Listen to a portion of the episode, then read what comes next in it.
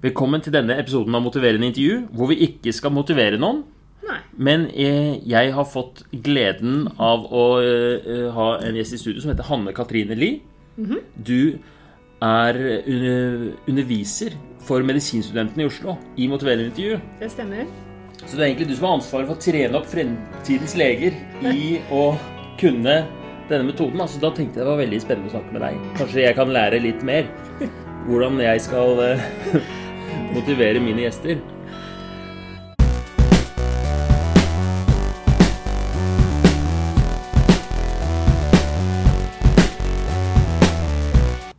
Det er veldig hyggelig å få lov til å være på denne podkasten, som jeg hører masse på, og alle studentene hører mye på. Så det her blir spennende. Så kult. Men du, hvordan kom du inn på Eller hva er din bakgrunn, liksom? Hvordan havna du her at du er motiverende intervjulærer? Ja, det er jo en lang og kronglete vei, men jeg har jo bakgrunn eh, fra psykologi. Men i et annet land enn Norge, så jeg kan ikke kalle meg psykolog i Norge. Å nei. Nei. Jeg studerte og gjorde alt i Australia. Så jeg har jo eh, siden jeg kom til Norge jobbet med mye forskning innen helsepsykologi. eh, Og spesielt i feltet på um, liv etter kreft i ung alder. Og det er jo preget av senskade etter kreftbehandling, veldig stort behov for å ivareta egen helse selv. For det er ikke noe systematisk langtidsoppfølgingstilbud. Og da så jeg behovet for å på engelsk heter det 'patient education and patient empowerment'. Altså gjøre pasientene i stand til å best mulig grad ta vare på egen helse. Ja, bygge opp. Altså fordi en, en, et barn som har vært gjennom en kreftdiagnose, trenger oppbygging på mange måter. Også liksom psykologisk. Psykologisk og ikke minst fysisk. Man blir veldig satt tilbake fysisk. eh, Og man trenger virkelig å rehabiliteres og bygge opp restfunksjon, eller habiliteres med barn. Eh, Men det er når de blir voksne også, så er de litt mer avhengig av eh, å ha en sunn livsstil enn andre folk for å redusere eh, helseproblemrisikoen senere, da. De får en helseprofil som, som gjør at de er mer sårbare for bl.a. livsstilssykdommer. Ja. Diabetes og blodtrykk og vekt overvekt og sånn. Hjerte, kar, diabetes, endokrine problemer. Og det eneste vi vet som kan hjelpe å redusere helserisikoen som kommer pga. kreftbehandlingen, det er en sunn livsstil. Jøss. Så fordi du tidlig begynte å interessere deg for eh, kreftoverlevere, så var det sånn naturlig å komme inn på dette med hvordan hjelper vi folk å ha en sunnere livsstil? Yes. Så, og så er jo eh, Helsevesenet er jo veldig reaktivt. Du blir syk, og du får hjelp, men vi fokuserer veldig lite på forebygging. Mm. Det er også relevant for kreft. Ikke barnekreft, da. De er tilfeldig hvem som får det. Men eh, blant eldre og voksne så er det jo veldig mye forebygging som kunne få større oppmerksomhet. Så når var det du hørte om motiverende intervju, da? Vet Det husker jeg ikke helt, men det kom jo opp i litteraturen som den beste måten å motivere pasienter til eh, atferdsendring. Eh, og jeg har jo veldig lenge tenkt at eh, i forbindelse med undervisningen også, så har jeg veileda mange studenter, både medisinstudenter og ph.d.-studenter. Og det å få til gode læringsforløp inn i forskningen, det er ikke bare bare det heller. Så slo det meg at motiverende intervjuteknikker passer veldig bra der også.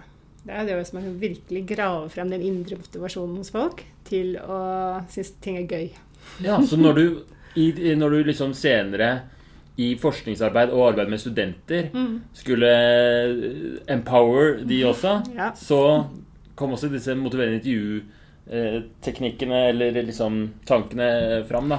Ja, så er det jo, eh, altså Når man jobber med atferdsendring, så kommer motiverende intervju veldig fort fram i litteraturen. Og da ble jeg veldig nysgjerrig på det, så da studerte jeg det eh, over et halvt år på Høgskolen i Oslo, eller um, Oslo OsloMet. Ja, For der har de et eget sånt program. De har eget kurs for intervju. Ja, spennende. Det har jeg hørt om. Ja. Eh, Det er en sykepleier på jobben min som sa at hun skulle gå på det programmet og ta Ja. et halvt halvt år i Det, er, det anbefales. Du blir satt i veldig tverrfaglige grupper, og du må øve masse. Stilig. Så har jeg holdt kontakt med de to jeg måtte øve masse med. Eh, og vi har eh, jevnlig motiverende intervju debrief-grupper. Oh, ja! Ja. Har dere motiverende intervju med hverandre òg? ja, og vi snakker om utfordringer vi møter. For de er jo i forskjellig klinisk praksis, og jeg bruker det mest i undervisning og i forhold til eh, læring. Altså forskningsveiledning. Men da du lærte motiverende intervju skikkelig gjennom et sånt halvt års uh, studie, Mm. hva hva forventa du? Eh, Var det noe som var liksom annerledes enn sånn du trodde det kunne være, skulle være? Altså det som slo meg, og det tror jeg egentlig nesten alle på kurset slet med de første gangene, var jo å få et helhetlig bilde av hva motiverende intervju egentlig er. For er, jeg syns jo fremdeles også det er vanskelig å lære bort hva er det du begynner med. Ja. ikke sant? Det er, det er jo komplisert Det er ikke så komplisert, men det er ikke bare ferdigheter. Det er også et tankesett og grunnverdier som man tar med seg inn i møte med, med den man skal motivere. da. Eh, og hva, hva må du lære om å bli kjent med først for at det skal på en måte make sense? Og så er det jo det at du, du skal styre samtalen uten å styre samtalen, og det også er ikke helt selvsagt hvordan det skjer. Ja, jeg syns også det er, det, er- det er Selv om på en måte så tenker jeg jo at motiverende intervju er veldig enkelt og greit. Og lett. Jeg husker at vi hadde bare noen få, noen få timer på studiet, og så følte jeg meg egentlig komfortabel til å prøve meg fram med pasienter når jeg var i praksis. Men samtidig så er det liksom så, så stort, og egentlig litt sånn forskjellig fra eh, det folk kanskje tror det er. Ja. Altså Folk tror det er en eller annen sånn derre Kan du ikke bare motivere han her til å slutte å røyke? Og så har ikke han lyst til å slutte å røyke. Nemlig. Så Den har litt lyst, men kanskje ikke så lyst allikevel. Ja. Ja. Ofte så mm, Hvis jeg får eh, gjester på podkasten eller eh, utenom som, hvor jeg får sånn bestilling, gjerne fra sånn kjæresten til personen, kan ikke motivere han til å slutte å snuse, så ender vi opp med å snakke om noe helt annet. At uh, kanskje da jeg ikke har styrt eller hatt eh, nok innflytelse på, på, på samtalen, men allikevel så er det det er et eller annet med det navnet også, motiverende intervju. Det høres jo ut som litt sånn eh, at jeg skal motivere deg, mens eh, det er jo egentlig du som skal motivere deg selv, da. Ja. Og det er jo, eh, mange steder så har man gått bort fra å kalle det motiverende intervju til å kalle det motiverende samtale. For det er med mer likestilte partner. Aha, Annet enn å være en intervjuer og en som blir intervjuet. Nemlig. Kanskje jeg burde skifte navn på podkasten nå, da. Da har du et brand, da. Så spørs. Men ok, hva er det du liker best med motiverende intervju, eller sammenlignet med andre ting, eller bare Du, altså jeg, all forskningen min er jo på pasientperspektivet inn i medisin. Så pass, få frem pasientens stemme inn i medisin. Det er på en måte mitt eh, hjertebarn. Og det at pasienter blir møtt på en god måte i helsevesenet. Det er eh, mange som har veldig gode opplevelser med helsevesenet, og noen som har ikke så gode opplevelser. Og mye av det ligger jo i at pasienter ikke blir eh, sett og hørt. mm, De blir behandla overfladisk, ikke personlig. De eh, føler at legen ikke forstår hvem de er og hva problemet er. Og da tenker jeg motiverende intervju teknikker er jo egentlig bare basale, helt grunnleggende gode kommunikasjonsferdigheter i møte med folk som er i en litt sårbar situasjon. Som trenger å bli møtt med respekt og sett og hørt. Ja. Så det er jo egentlig bare veldig gode pasientsentrerte kommunikasjonsteknikker. Så en stor del av å motivere en intervju, en stor del av å lære det, er å lære å bli flink til å se pasienten, lytte og, og um, drive pasientsentrert kommunikasjon. Ja, altså være opptatt av hva pasienten sier, ikke hva du skal spørre neste gang.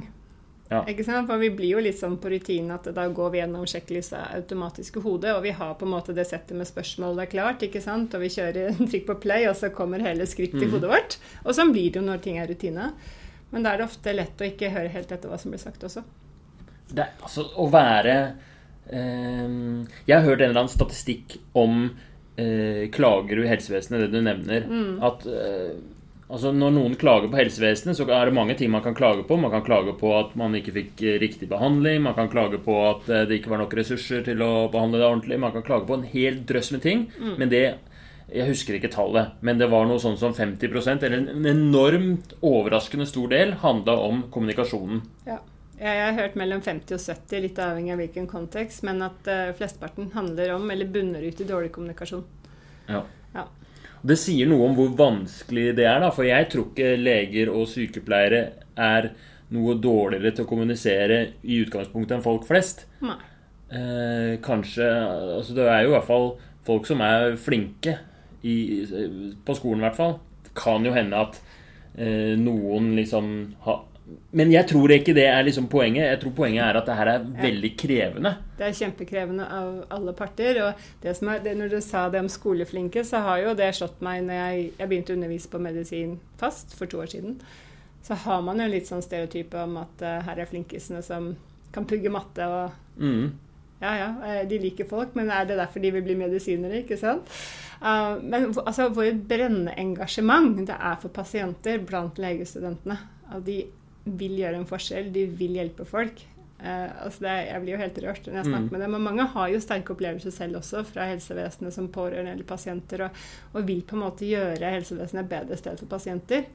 Så det er jo gull å få lov til å Ja. snakke om motiverende intervju med studentene. Og det, opplevelsene er bare positive. Altså det er ingen som har klaget så langt på at vi bruker tid på å lære det.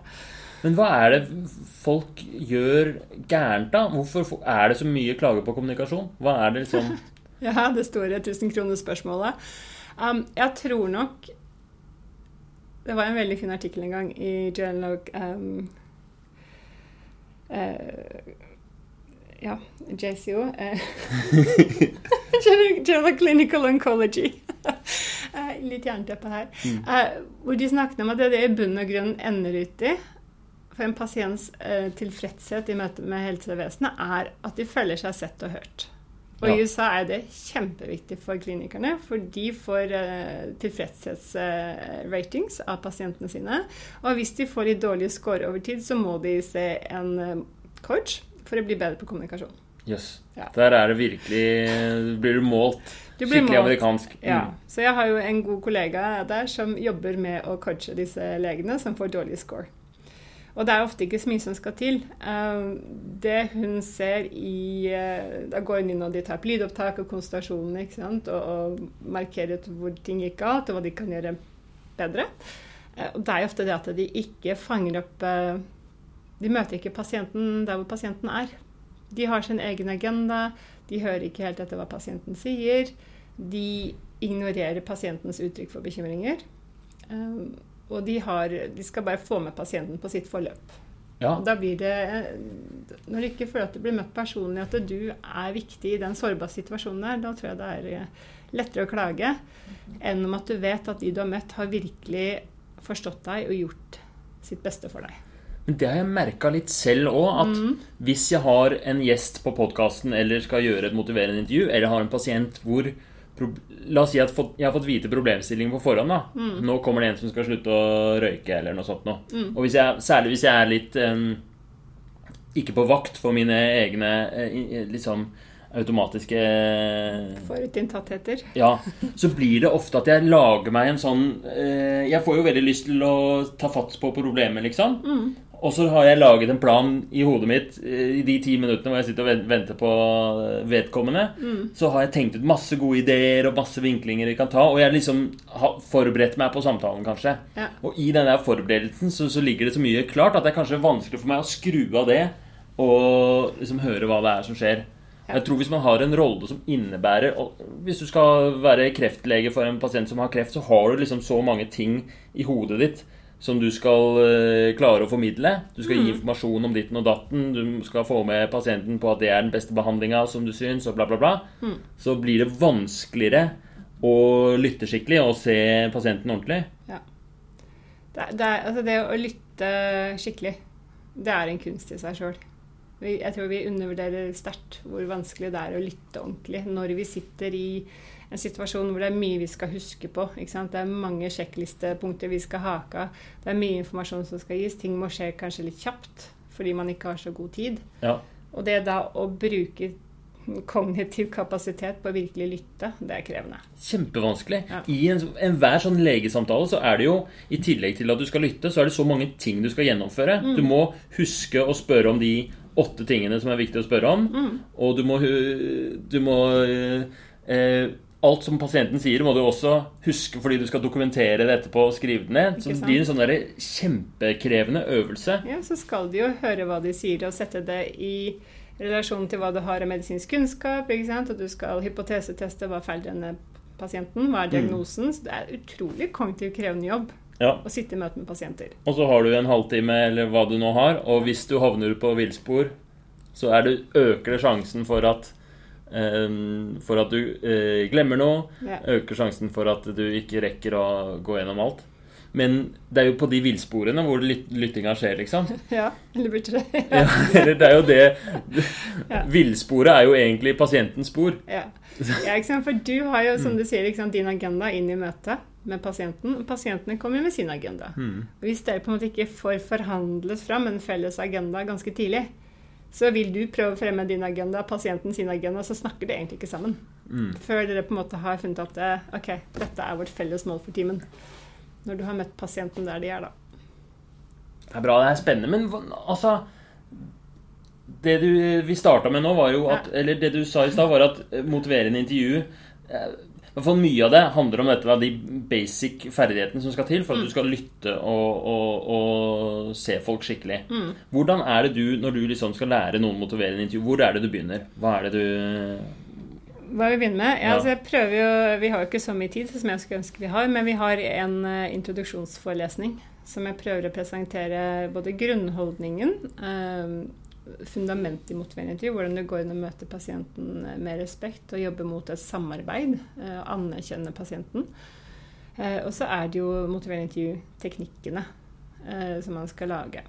Men eh, i den forelesningen prøver jeg også å sette scenarioet litt hva er det du kan bruke motiverende intervju til, hvorfor er det relevant for, eh, for dere å lære.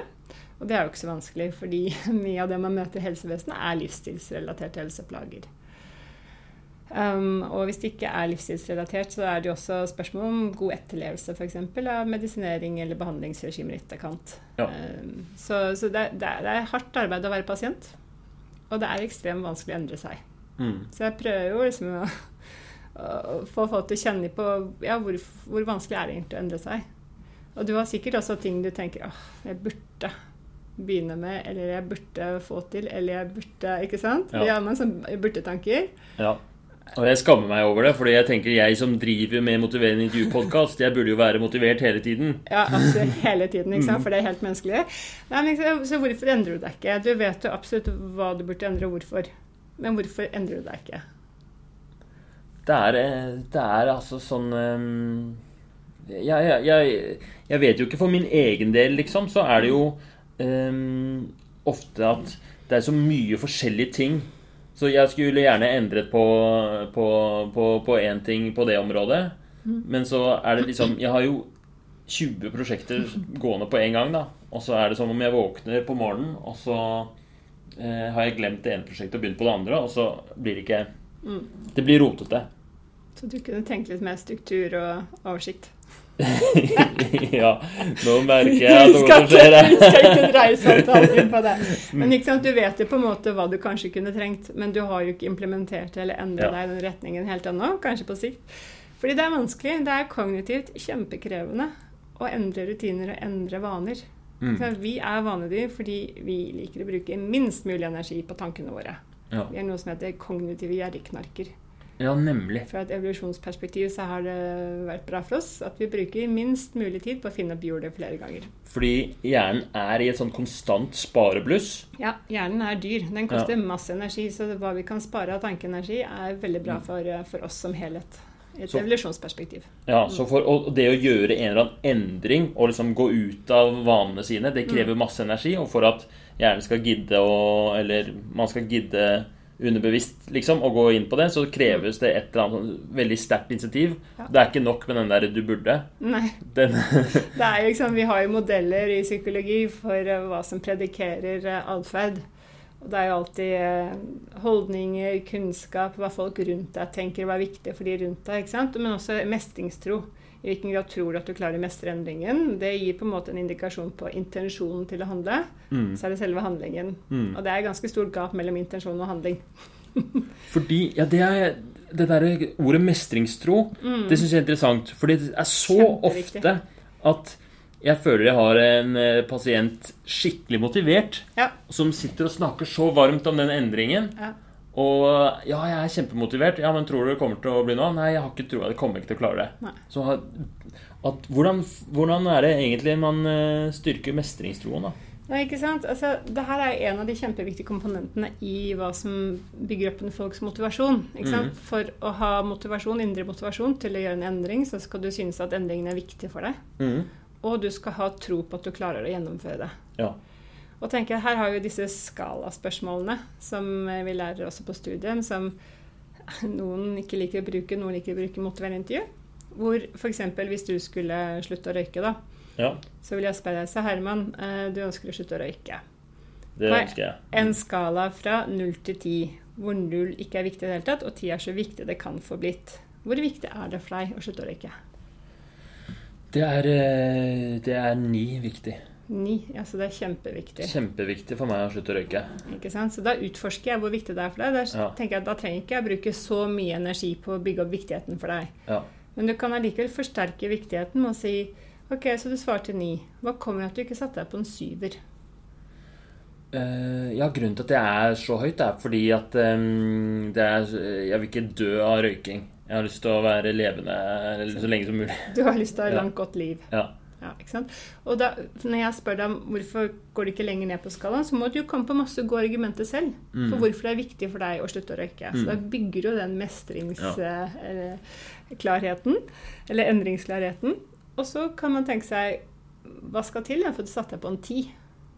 Og da vil jo du gi meg hints om hva jeg kan bidra med som behandler for Ja. å hjelpe deg over bøygen til å slutte å røyke.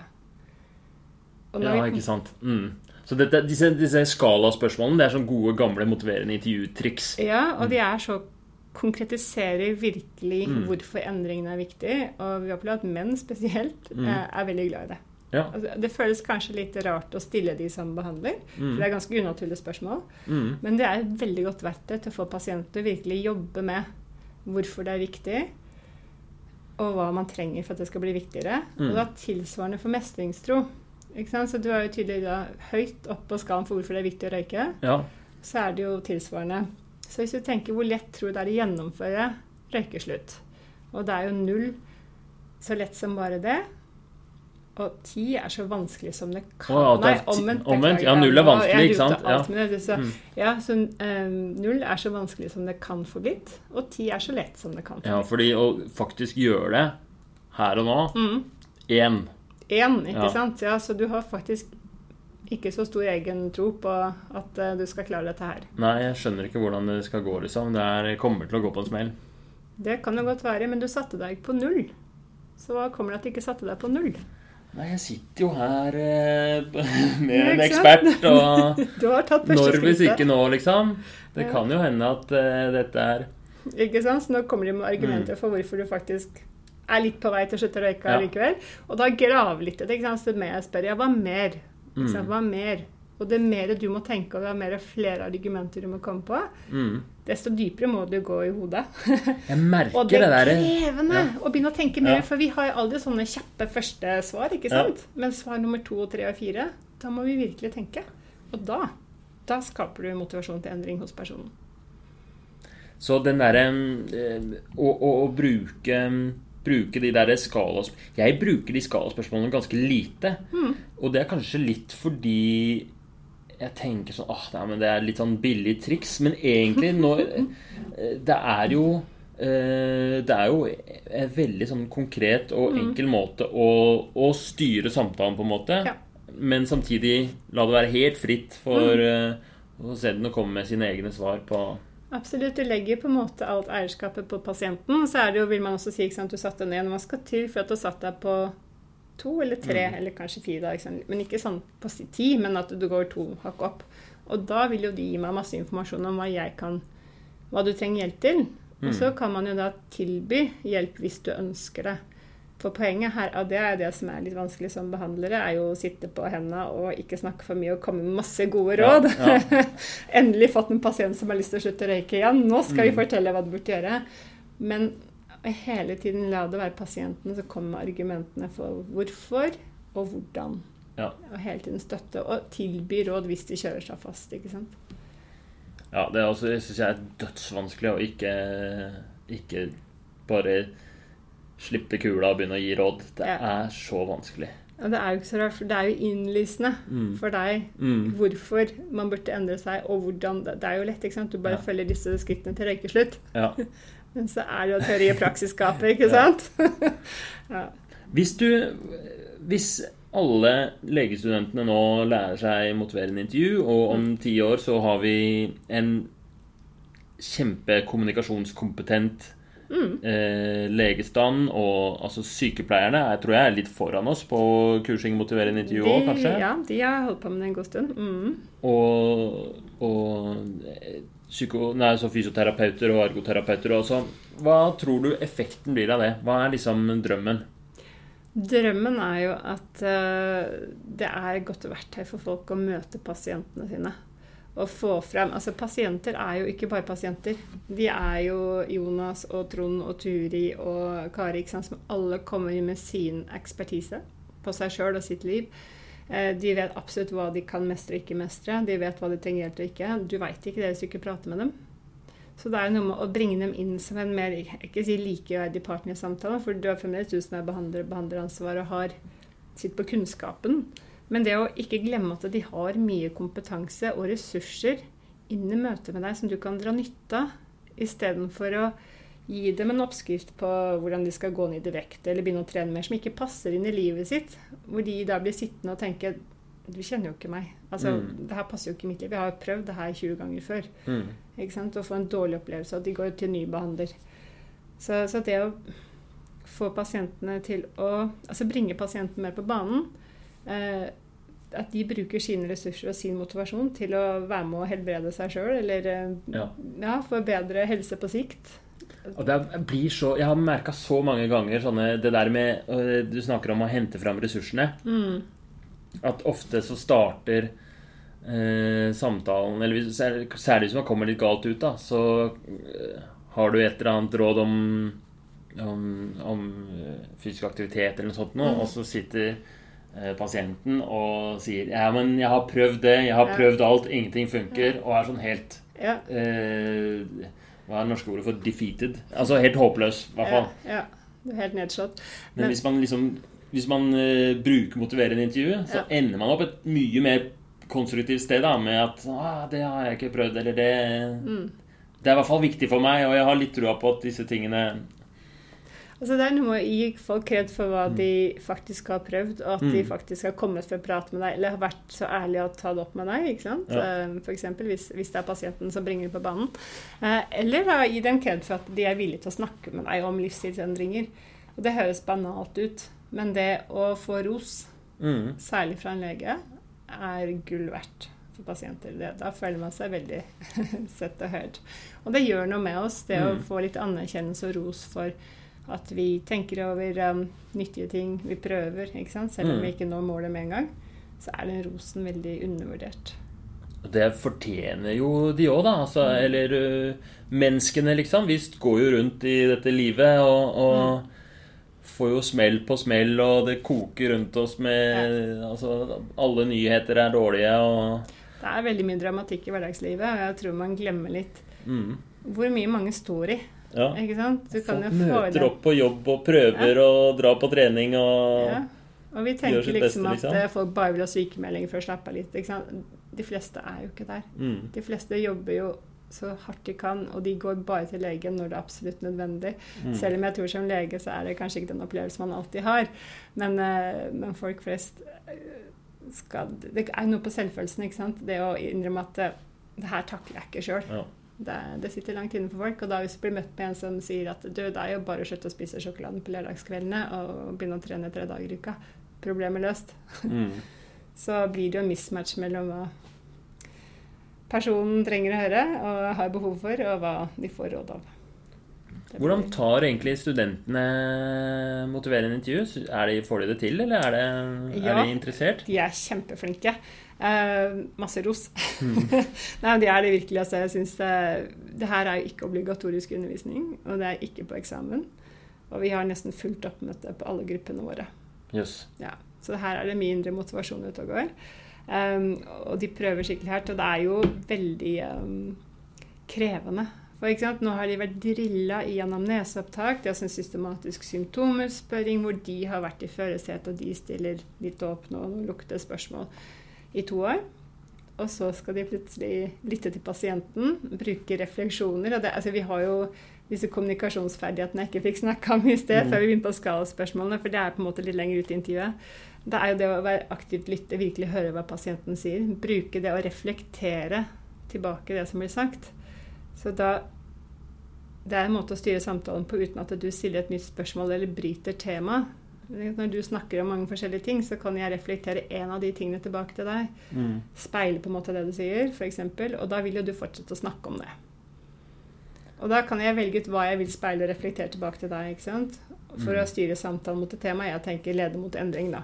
For Så du, man, du både styrer samtalen, men gjør det på pasientens premisser. Du gjør på pasientens premisser, og mottakeren opplever at de er i kontroll av samtalen. De Mm. opplever at du er veldig interessert og ønsker å høre mer av dems historie.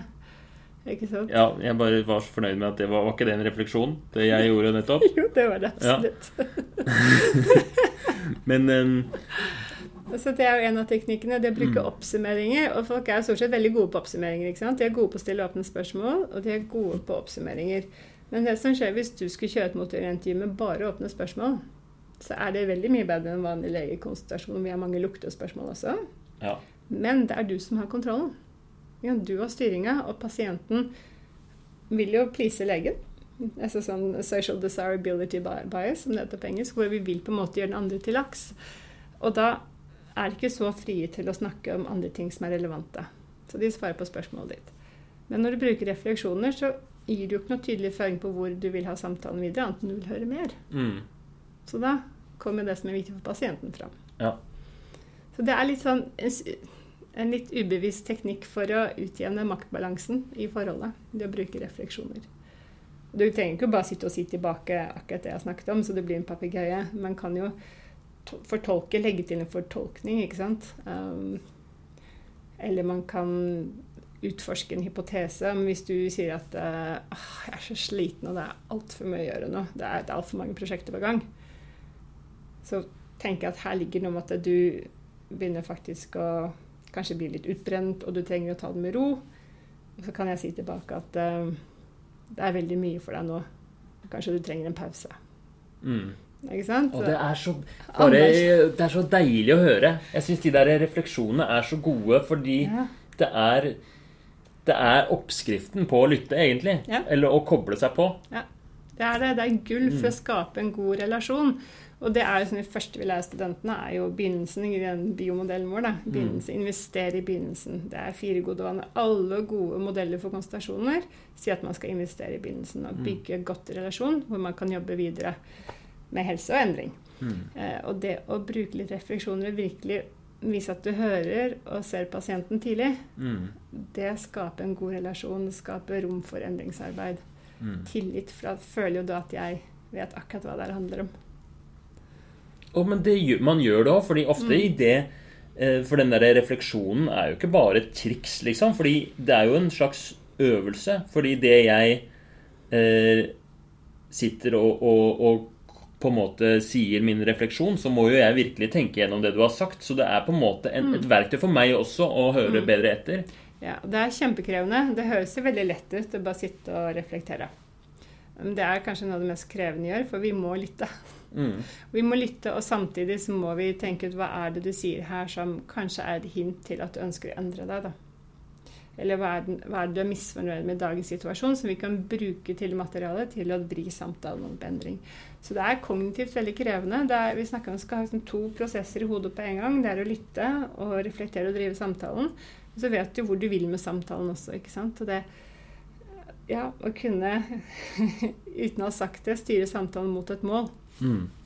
Basert på hva pasienten sier, er, er veldig Det er kjempekrevende. Det er ofte Det er etter de der motiverende intervjuene jeg har hatt, så er jeg Ja. ofte helt Ikke utmatta, men veldig sånn Jeg merker at jeg har fått kjørt meg. Ja, Men hjernen krever masse Mm. energi. Det er Ja. som å lese til eksamen og gå på eksamen. Du har Ja. ikke vært fysisk aktiv, men da er jo utslitt etterpå. ikke sant? Men på en ganske god måte. Det er noen Ja. ganger hvor jeg er mentalt utslitt, f.eks. hvis jeg har sittet på mobilen lenge. Så Mm. Det føles også sånn krevende. Men da er jeg ofte dårlig humør etterpå. Mm. Men jeg har ofte så godt humør og føler meg så bra etter de motiverende intervjuene. Av en eller annen grunn. Jeg vet ikke Ja, hva hvorfor. tror du ligger i det, da? Jeg husker bare en gang at det jeg var så eh, En av de første intervjuene jeg hadde til podkasten. Og jeg var så nervøs og stressa før og hadde en dårlig dag, tror jeg. Og så hadde jeg det intervjuet og bare forsvant helt inn i den samtalen. Jeg tror det å bruke refleksjoner og sånt noe gjør at du virkelig du kobler seg sånn på. Og etterpå så var, gikk jeg på en sky.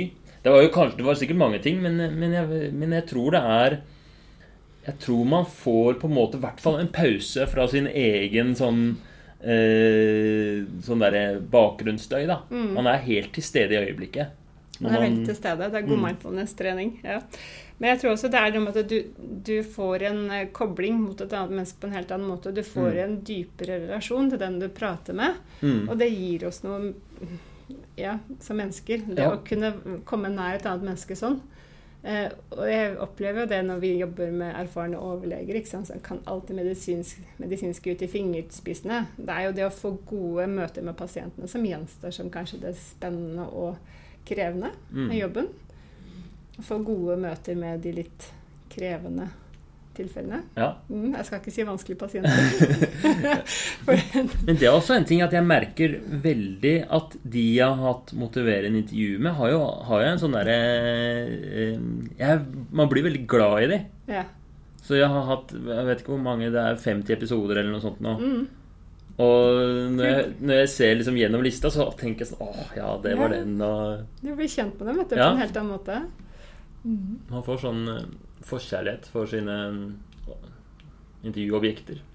Ja, men det er så jeg tenker, det, er jo persepsjonspsykolog i bunn, ikke sant? Og jobber, jobbet mye før med eh, type kognitive shortcuts, hvordan vi prosesserer informasjon om andre mennesker. Og vi er litt sånn OK, um, nå, nå treffer jeg et nytt menneske. Han er uh, i min inngruppe sosialt, ikke sant. Uh, det er noe som er relevant for meg, så jeg, da jobber jeg litt mer kognitivt med å prosessere hvem faktisk du er. Mm. Hvis jeg møter et annet menneske som har en helt annet yrke, helt annen bakgrunn, ikke kommer til møte igjen, så stopper jeg på en måte prosessering på et mye tidligere tidspunkt. Så jeg individuerer ikke det mennesket. Og det er helt naturlig, og det gjør vi hele tiden. Vi gjør det på type sosiale kategorier som alder, kjønn, yrke, etnisitet. Mm. Og jeg ser jo, altså i medisinen har jeg jo mine tanker, da. Det er jo veldig inngruppe, eh, utgruppe. Ikke sant? Vi har legene, vi har sykepleierne, vi har pasientene og andre um, av forskjellige grupper. Og det, det blir jo litt lett at det er en pasient, ikke sant? Og det er ikke fru Karlsen. Ja. Ikke sant? Eh, Og, og det er fordi det er slitsomt å prosessere alt på så individuelle nivå, så vi må spare energi. Og etter hvert så går man opp de løypene såpass mye. Men i motivering så møter du jo nettopp pasienten bak tilstanden. ikke sant? Og da, da tar du en helt ny dimensjon til forholdet også. Hmm. For da ser du jo mer hva den pasienten trenger i sin tilstand for å kunne håndtere helseutfordringen eller endrings, livsstilsendringen. Der Altså, men eh, sånne En, en ting som jeg syns er vanskelig med motiverende intervju, er jo Mm. ofte det at fordi eh, jeg kjenner jo også det, det, dette her at man får så god relasjon, og at man kanskje ser på pasienten som eh, inngruppe nå istedenfor utgruppe, eller eh, Du har fått prosessert dem på det. du, Ja. du ser personen bak. ikke sant? Du stopper ikke bare med, med pasient med hjertesvikt eller pasient med kols. Ja, Men disse tingene har jo egentlig ikke noe å gjøre med eh, liksom at pasienten gjør en endring.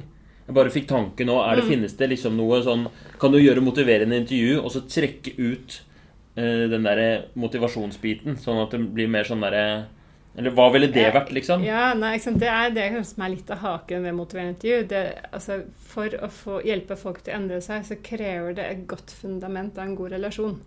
Hvis ikke du har en god relasjon hvor pasienten har tillit til deg som eksperten eller behandleren, så kan du like gjerne gi opp med en gang. Mm. Og det, det kreves for å kunne jobbe videre mot en endring. Så, og det er jo noe man må opprettholde gjennom hele møtet. Så Ja. hvis dere i begynnelsen kom, kom og går holdt jeg på, på en Ja. god fot, eh, og hele tiden ha fokus på å bygge opp under alliansen, den relasjonen, og så legge på er det ønske om endring her, eller er pasienten ambivalens? De vil, men vil ikke. Eller kanskje de hadde tenkt at det er nødvendig sant? De kommer inn med mange forskjellige nivåer av endringsklarhet, som vi Mm. sier det. Det er jo ikke alle som har tenkt at det hadde vært lurt å slutte å røyke. Ja, noen kommer jo inn eh, Har nesten en sånn der skepsis i starten. Sånn «Ah, Nei, dette her er ikke helt noe for meg. Jeg vil ikke, ikke prøve å endre meg. Ikke Mm. prøve å motivere meg. Nei, ikke sant? Og så er det sånn en mann i hvit frakk. Mm. Jeg vet hva du skal si om røyking. Ja. Jeg veit det, jeg veit det. Ja. Ja. Så det, så det er det. Igjen, liksom, har du en god relasjon, du finner ut hvor pasienten ligger i forhold til endringsklare, så kan du jo tilpasse Mm. hvilket trøkk da, du legger på å drive fram en, en endringsfokus i samtalen. Har du noe sånn Du bruker jo motiverende intervju nå mye med, i, i, i sånn veiledersammenheng og med studenter og sånt nå. Mm. Har du noen, Hva er liksom erfaringene dine derfra? Hvordan funker det? Hva, har du noen gode opplevelser med det? Ja, altså, jeg, har jo, jeg er en sånn person som ikke liker å bli fortalt hva jeg må gjøre. jeg er skikkelig tenåring fremdeles, i en alder av 44. Ok, 44 er fortsatt trassalder for deg, liksom? Trassalder for meg. Så jeg hadde jo en opplevelse når jeg gjorde doktorgraden min selv, at eh, de møtene hvor jeg bare ble fortalt hva mer jeg måtte gjøre, uten å få være med i den undrings- og tankeprosessen før, jeg ble så forbanna. Mm. Jeg fikk jo i hvert fall ikke lyst til å gjøre hva de sa jeg skulle gjøre. Selv om inni meg så visste jeg at det var lurt.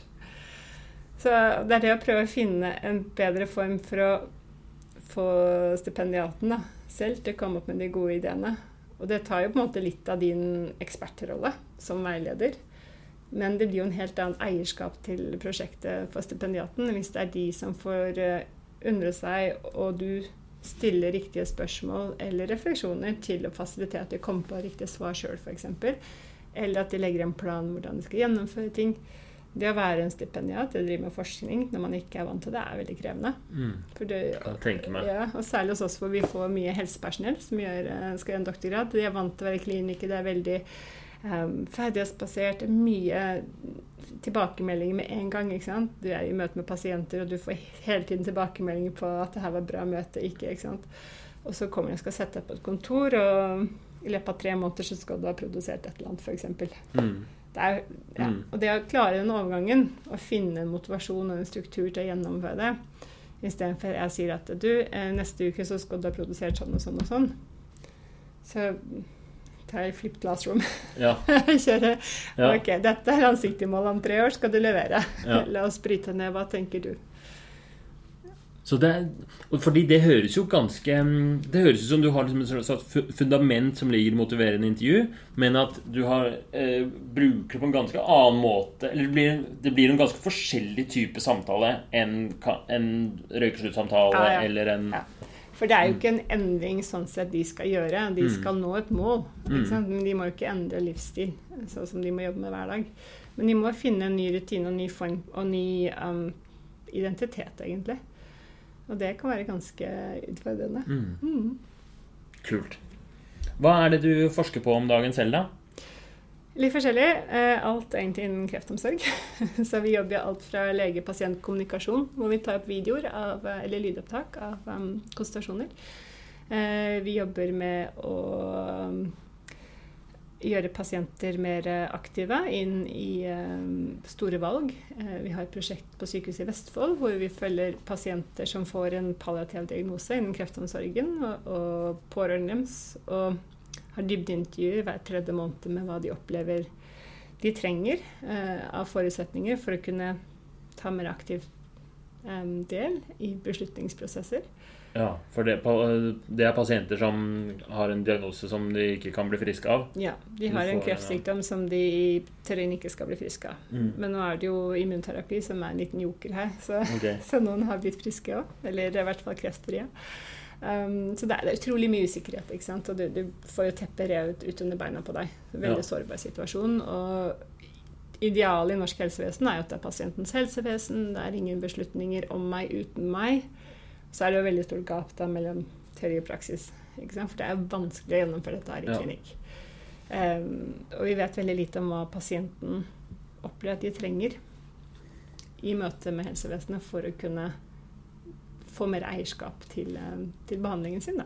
Ja, for det, det som er idealet, er at du har en pasient som eh, får vite at de har eh, en uhelbredelig kreftdiagnose. Mm. Kommer til å um, Du kommer til å dø av dette her. Mm. eh, men det fins masse forskjellige muligheter. Ja. Du kan få uh, lindrende behandling sånn og sånn. Man kan prøve å, Mm. med noe sånn aggressiv behandling kanskje Ja. forlenge livet. Og så gjelder det å Idealet er en situasjon hvor pasienten er godt informert og vet hva det går i, og Mm. klarer å ta beslutningene basert på hva de selv ønsker. Ja. Og det, det som kanskje har vært særlig før, er at det er eh, legenes preferanser som bestemmer hva Legene har Mm. jo fagkunnskapen, og de Mm. har jo behandlingsmodaliteter de kjenner godt til selv. ikke sant? Så de har jo sine preferanser, absolutt. Eh, og noen pasienter ønsker jo ikke å ta del i noen ting. Mm. Eh, Men det er egentlig fåtallet. Og det er mye, jeg tror det har mye å si med avklaring av forventninger til pasienten også. At det, det er lov for deg å ha meninger, ikke sant? Ja. Eh, Og invitere det inn på en annen måte. Men um, Det er jo ikke nødvendigvis å motivere en intervju, men det er det å møte pasienten der det er å ha en veldig pasientsentrert tilnærming. Det er jo pasienter som sier at når, når det er livs, altså kurativ behandling de får, så er jo valgene enkle. Kjør på. Mm. Men med en gang det ikke er med kurativ hensikt, da blir det vanskelig. Ja. For da må du hele tiden veie opp. Er det verdt det? Er det i tråd med hva jeg ønsker og mine verdier? Ja. Så det en Ja, for det kan jo hende noen er villig til å gå gjennom en eller annen cellegiftkur som medfører masse smerte og li lidelse for Ja. å få et år til, Ja. sannsynligvis. Ja. Mens andre ville sagt sånn nei takk, jeg vil bare ha comfort, comfort, comfort Ja. resten av livet nå. Og det er jo det er typisk at eh, Mm. leger som kommer i en situasjon selv, eh, velger en helt annen behandling enn de har gitt pasientene sine før. Ja. ikke sant? Ja, det var en eller annen Hva er det Det, det gjaldt noe annet, kanskje, men en sånn studie på at um, um, HLR-status. Mm. Altså um, De fleste pasienter eh, vil gjerne at det skal bli utført hjerte-lungeredning på dem hvis Mm. hjertet stopper. Mm. Hvis du spør leger, så er det Mm. mange flere som sier nei takk, det vil jeg ikke ha. Ja. For de vet hva det medfører av Ja. Vel, kanskje jeg redder livet, men det vil medføre så mye smerte. Kanskje blir det varig men på både hjerte og kognitiv funksjon og sånn. Mm. Nei, de har en helt annen for, altså forkunnskap og forutsetning for å ta de valgene. ikke sant? Og så er det noe med at når du står i den situasjonen sjøl, så har du kanskje andre oppfatninger når du var frisk og tok de valgene. Men eh, ja. Så har vi, vi har et stort prosjekt i, i eh, samarbeid med flere europeiske land og idrettshøyskolen, hvor vi følger barn etter en kreftbehandling. Vi eh, vet at kreftbehandling er supertøff. Apropos behandle altså De behandles jo så kraftig både med cellegift og, og stråling hvis de må det, men ja, med cellegift. Og de blir eh, Mange må ligge i senga ganske lenge. Så de får veldig redusert fysisk form og funksjon. Ja. Eh, og det å restituere seg og bygge opp igjen fysisk kapasitet i ettergang er kjempeviktig. Og så vet vi egentlig veldig lite om hvilken effekt kreftbehandlingen har på kroppen, sånn rent fysiologisk. Eh, vi vet lite om hvor aktiv det egentlig er, eh, og hva de trenger. Så vi har på en måte laget en stor studie hvor vi finner den evidensen vi trenger for å bake inn i en intervensjon. Og nå er vi på intervensjonsstadiet, og da kjører vi motiverende intervjuprotokoller for at eh, barn og ungdommen selv skal kunne lage sine egne planer for å bli mer aktive og hvilke mål de skal nå. Og så støtter vi dem og virkelig bygge opp under mestringstroen. Fordi Mm. mange er jo veldig redde for å presse kroppen sin i etterkant. ja. De så får de, de vet det er eh, viktig, men de er redde for å kjenne at hjertet banker eller bli andpusten, for det forbinder de sånn med behandlingen og negative ah, De har fått sånn, eh, sånn nesten sånn eh, litt traumatisert. Ja, egentlig. sånn treningsfobi eller Ja. alt som har med å, å presse kroppen er Mm. skummelt. Ja, for hva er trygt, ikke sant? Det Mm. ja. Så det at vi kjører intervensjonen på deres egne premisser, er kjempeviktig. Mm. Så nå i ditt forskningsprosjekt så er det da masse barn som har overlevd Mm. å få en eller annen kreftdiagnose Ja. i barndommen. Ja. Om det er De vanligste er vel eh, sånn eh, type blod, leukemier og sånn, kanskje? Leukemier er en tredel, eh, og så er det hjernesvulster som er en tredel, Ja. og resten er eh, ja, med lang rekke diagnoser. Så kommer Ja. den siste tredelen, men lymfomer er jo en, en En stor andel den. Da. Men de Mm. aller største barnekreftene er hjernesvulster og, Leukemier. og leukemier. Mm. Og da, Så nå settes det i gang et svært apparat med masse eh, Masse forskjellig helsepersonell som da Mm. skal gjøre motiverende intervju Mm. med disse barna, følge dem opp Ja. og hjelpe dem til å eh, få trua på at de kan trene og ta Ja. litt sånn Det som Eh. kanskje er gullet her, er at vi sentralt eh, finner ut planen for eh, sammen med barna, eller ungdommen, hva de ønsker å gjøre. Og så skal det implementeres lokalt i samarbeid med lokale gymlærere, sosiallærere, helsesøstre mm, eller andre apparater da, som er instanser som finnes lokalt der hvor barna bor. mm, Så tanken er at vi setter ting i gang, og så hjelper vi litt mer på overordna plan, holde ting i gang. Og møter dem jevnlig og ha en sånn type motiverende samtale. Hvordan har det gått? Fungerer det for deg? Ønsker du å endre på målene? Ikke sant? mm. Hva er utfordringen? hva går bra? Hva mer kan du trenge? Mm. Kult. Mm. En, um, så, fordi poenget under her er at de barna som har gjennomgått kreft, Mm. de ser man at har mye større behov enn folk flest Ja. for å holde høy Eller for å, å leve et sunt liv. For de kan ta fort de har mye større risiko for diabetes og sånne ting. Er det sånn? Ja? De har jo risiko for seneffekter i forskjellig grad, avhengig av behandling og diagnose og alder, ikke minst, eh, ved behandling. Um, og det å ha god fysisk aktivitet, være i god fysisk form, er veldig viktig for å redusere en del av disse risikoene for hjerte-karlidelser og type metabolsyndrom, prediabetes. Um, og det er jo i ungdomstiden man etablerer gode vaner. Ikke sant? Og når du har fått barn eller ungdomsårene forstyrra av sykdom, alvorlig sykdom, hvor du må holde deg passiv ganske lenge, så er det viktig at man finner veien tilbake til gode vaner som forhåpentligvis vedvarer livet ut. Vi vet at eh, barn blir mindre og mindre aktive det eldre de blir. Mm. Det er jo bare en naturlig nedgang i Ja. aktivitet. ikke sant? Det går fra å løpe og leke rundt til å sitte på skjerm og skravle. eh, eller spille. Så det å, å i hvert fall få de opp på et visst nivå så de, eh, de er relativt aktive, er viktig.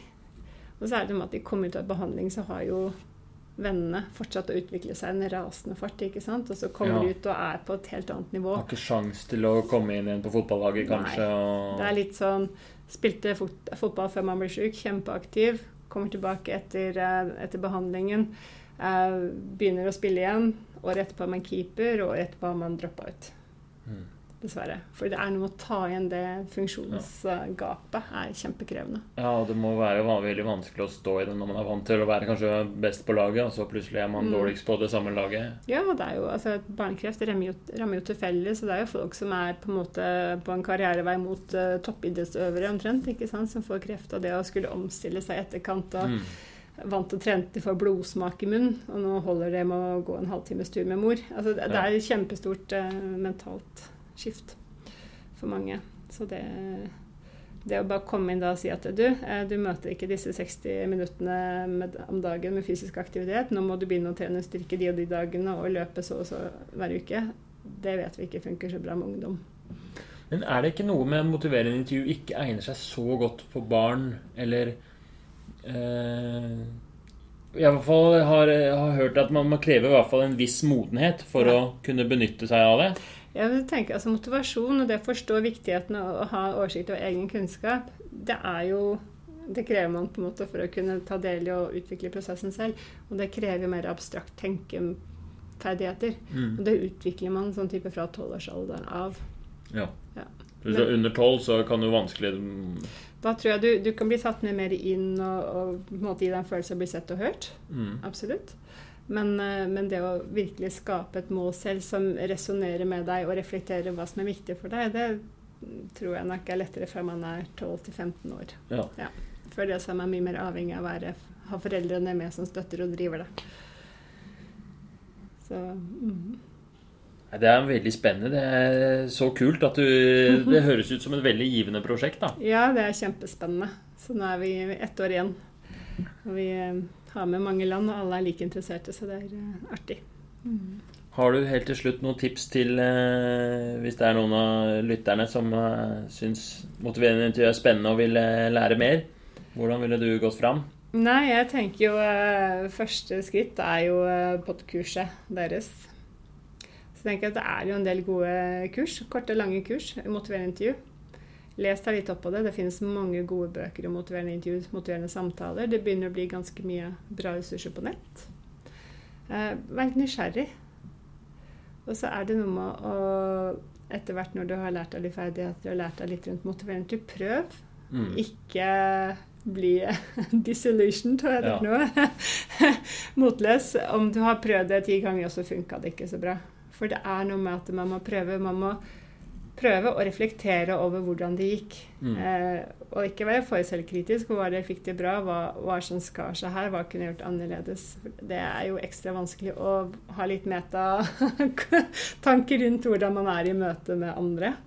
Eh, man kan eh, kanskje ta opp opp samtaler på, på lydopptak hvis det ikke er fortrolige samtaler. hvor Ja. det ikke er lov. Til man kan lage podkast, Man kan lage podkast. Og det er kjempenyttig å høre eller se seg selv i møte med andre. Kanskje skrive ned hva som blir sagt, for da blir det ekstremt tydelig. Mm. Hvor man kunne pressa inn en refleksjon istedenfor et Ja. spørsmål. Hvor mange spørsmål man faktisk bruker. Det, det er jo som å skal gå ned i vekt. Ah, skriv ned hva du spiser i løpet av en dag. ikke sant? Få oversikt. Mm. Det samme er det med kommunikasjonsferdigheter, egentlig. Ta opp noen samtaler på bånd. Gå gjennom og se hva slags kommunikasjonsferdigheter du bruker, så ser de fort hva du bruker mye av, og hva du kan bruke mer av. Fantastisk. Tusen takk for eh, alle gode tips, og mm, takk for eh, samtalen. Det var veldig spennende. Det var kjempegøy, Herman. Takk for at jeg får være med. Jo, bare hyggelig. Og så ses vi kanskje igjen til en ny samtale senere. Frem til det så får du ha en god dag videre, alle lyttere. Ha det bra. 好吧，好吧。